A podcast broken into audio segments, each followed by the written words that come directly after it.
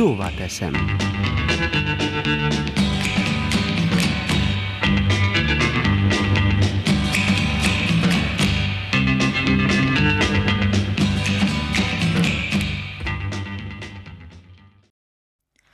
A hónap első napján árasztotta el az internetet a hír, hogy Olaszországban fényes nappal a nyílt utcán több tucat ember szeme láttára pár perc alatt folytott meg egy olasz férfi egy nigériai származású utcai járust. Hogy miért? Mert az árus nyaggatta őt és barátnőjét, hogy vegyenek tőle valami apróságot. Mint utólag kiderült, egy csomag zsebkendőt. Egy csomag zsebkendőt. Meghalt tehát egy ember, mert egy másiknak nem volt annyi türelme, hogy szép szóval lerázza az illetőt. És igen, meghalt egy ember, mert a járókelők, ahelyett, hogy oda mentek volna segíteni az áldozatnak, inkább előkapták mobiltelefonjaikat, hogy videóra vegyék a gyilkosságot.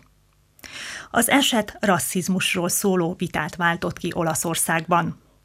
Több százan vonultak utcára tüntetni a propaganda ellen, mely szerint minden bevándorló bűnöző és gyilkos. A hatóságok szerint viszont nem fai megkülönböztetés áll a háttérben, hanem csak egy erőszakra hajlamos, pszichés problémákkal küzdő ember érzelmi kirohanása. De ez akkor sem menti fel a videózó tömeget.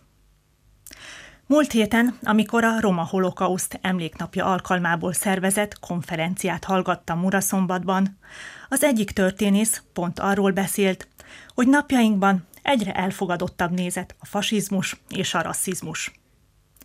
A második világháború szomorúbbnál szomorúbb történeteiről az jutott eszembe, hogy a mai társadalmunkra leginkább az apátia és az általános gyűlölködés a jellemző, amely úgy tűnik igazi táptalaja az előbb említett két világnézetnek. Utálunk mindent és mindenkit, ami és aki más és nem érdekel bennünket semmi és senki, amíg nem nekünk származik belőle kárunk. Türelmetlenek és közönösek vagyunk, és ezáltal hajlamosak az úszító propaganda benyelésére.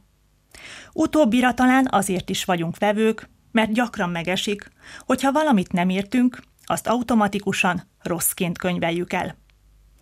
Ezért is veszélyes, hogy napjainkban Európa közepén demokratikus országok vezetői és politikai pártjai fajkeveredésről beszélnek, másodrendűnek titulálnak más bőrszínű csoportokat, vagy éppen kiközösítenek, esetleg szankciókkal sújtják az azonos nemű párokat. 1933-ban is valahogy így indulhatott az emberiség történetének egyik legsötétebb időszaka. Most 2022-t írunk. Az oroszok lerohanták Ukrajnát. Az amúgy is mindig forrongó Balkánon ismét összecsapások vannak Koszovó területéért. Kína és Tájván viszonya élesített bomba. Nem is beszélve az afrikai országokban zajló folytonos vérengzésről és az arab világ eseményeiről. 2022-t írunk. Nem hiányzik egy újabb világméretű háború.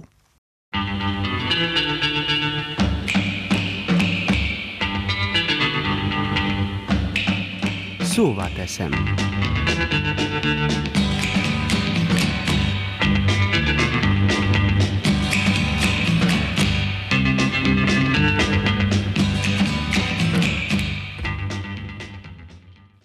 Az elhangzottak a szerző véleményét tükrözik, és nem minden esetben egyeznek a szerkesztőség álláspontjával.